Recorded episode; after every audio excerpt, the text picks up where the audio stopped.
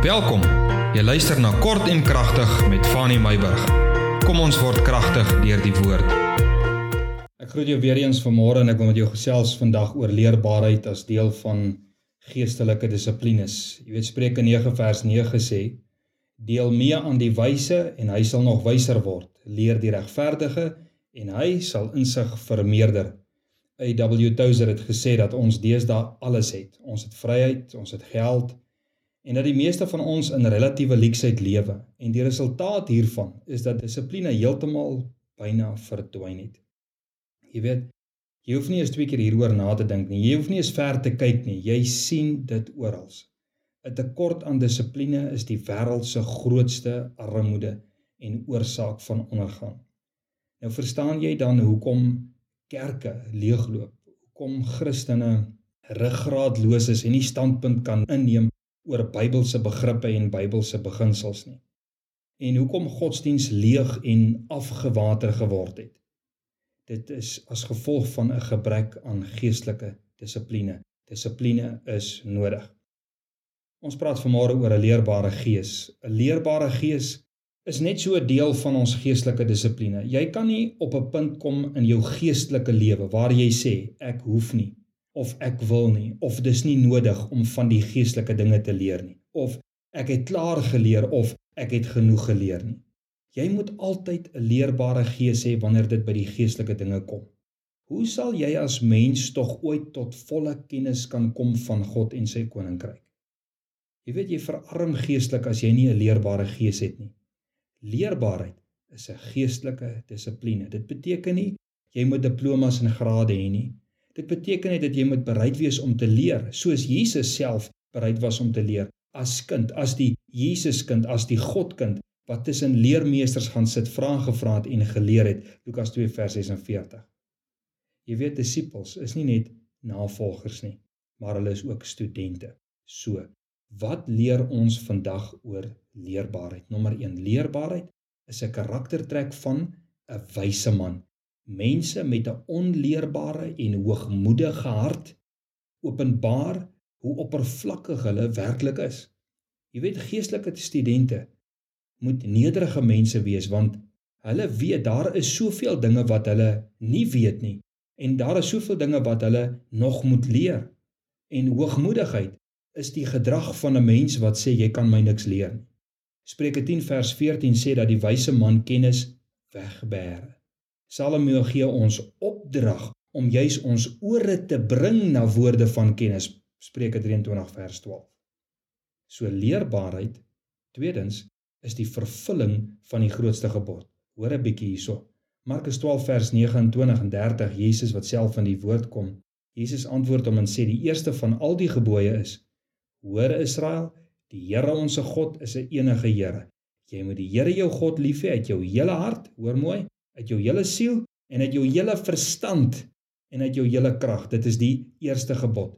Jy weet jy moet die Here lief hê en een van die maniere om dit te bewys is deur goddelike kennis op te doen. En is jammer om te sê en te verneem dat liefde vir God volgens die mense lyk dit vir my nie kennis van God insluit nie. Dis nogal insiggewend hoe alles in die lewe ophef geniet bo die inwinning van kennis. Kom ons gaan 'n bietjie na die kerk toe. Kerke met byvoorbeeld ligte, kameras, harde musiek, dans, rookmasjiene. Jy moet my mooi verstaan. Ek sê nie daar moenie ligte en kameras en harde musiek. Ek sê nie dit moenie daar wees nie, maar hoor wat ek sê.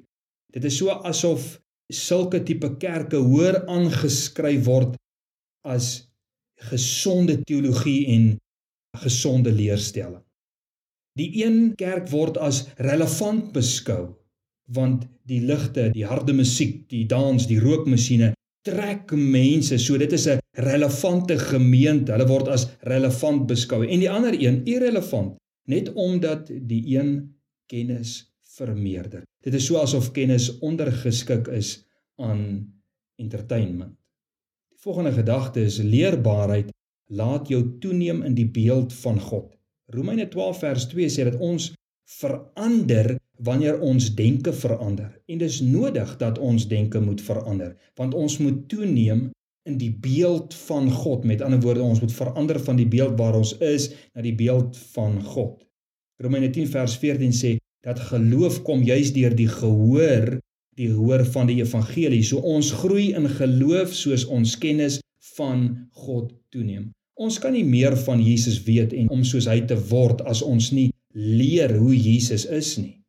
Martin Lloyd Jones uh volgens Donald Whitney het gesê ons moenie vergeet dat die boodskap van die Bybel aan ons denke en aan ons verstand gerig is nie.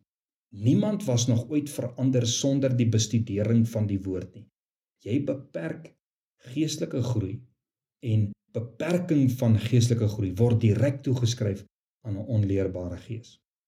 Ons volgende gedagte rondom leerbaarheid om te leer is meer 'n dissipline as per toeval.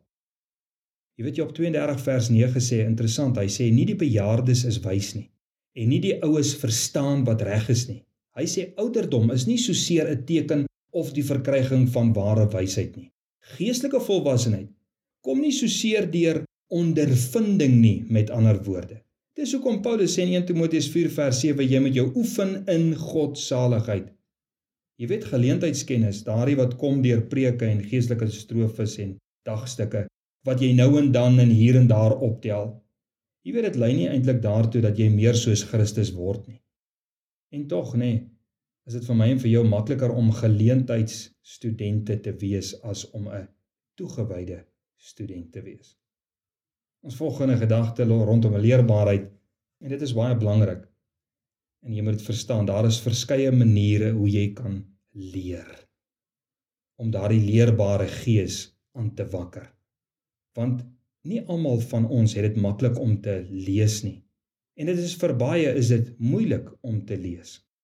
So kom ons kyk 'n bietjie na twee ander maniere hoe ons kan leer van die woord. Nommer 1 en hier kom die media vir my mooi te pas.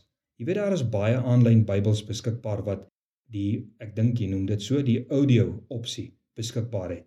Wat jy gerieflik na kan luister waar jy ook al is. Vroeger jaar het ons 'n CD gehad, druk hom daarso in die CD speler van die voertuig en dan ry jy en dan sê net maar jy wil psalms luister dan gaan jy daar na Psalm toe en jy druk play en daar begin hy vir jou Psalm 1 vers 1 en daar begin hy lees. Dit is 'n gerieflike opsie. En dan is daar ook natuurlik bedieninge nê wat waardevolle leermateriaal het wat ook op audio beskikbaar is. Ek sê ook maar net altyd dat wanneer ons so luister na verskillende bedieninge en verskillende bedienaars dat ons tog versigtig sal wees want tussenin is daar tog maar ook baie valsheid wat afdwaal van die ware evangelie van Jesus Christus. Wat is nog 'n manier om te leer? En hierdie is vir my nogal 'n 'n belangrike ding. Gaan sit by die voete van 'n geestelik volwasse kind van die Here en peper hulle met vrae waaroor jy wonder. Peper hulle met vrae oor die Bybel, dinge wat jy raak raak gelees het. Vra vir hulle geestelike vrae en daardeur leer jy geweldig baie wat in die Bybel aangaan. Wat is die beeld van Christus? Hoe moet 'n mens lewe om soos 'n kind van God te wees en om te verander tot die beeld van God? Jy kan so iemand kan jy bel. Dis as dit so lekker jy kan WhatsApp, jy kan 'n WhatsApp call, jy kan e-mail, jy kan daar's soveel maniere Maar kom by die voete van 'n geestelik volwasse persoon en vra die vrae waaroor jy onseker is. En dan die laaste een natuurlik is die begrip van lees.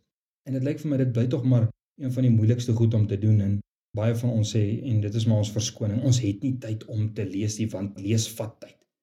En dit is tog nie altyd so nie, maar ek wil amper sê dat um, ons probleem met lees is dat dit is nie deel van ons prioriteit nie as dit vir ons prioriteit is, nee, dan sal dit vir ons tog belangrik wees. So die belangrikste van alles vandag, laat dit jou intensie wees om te leer, om 'n leerbare gees te hê. Waar en wanneer? Dis my vraag. Waar en wanneer gaan jy begin leer? Ek wil vir jou sê, hou op om uit te stel. Begin vandag leer om meer soos Christus te kan wees en pas daardie begrippe en hierdie geestelike beginsels daagliks toe in jou lewe. Seën en vrede tot ons môre verder gesels.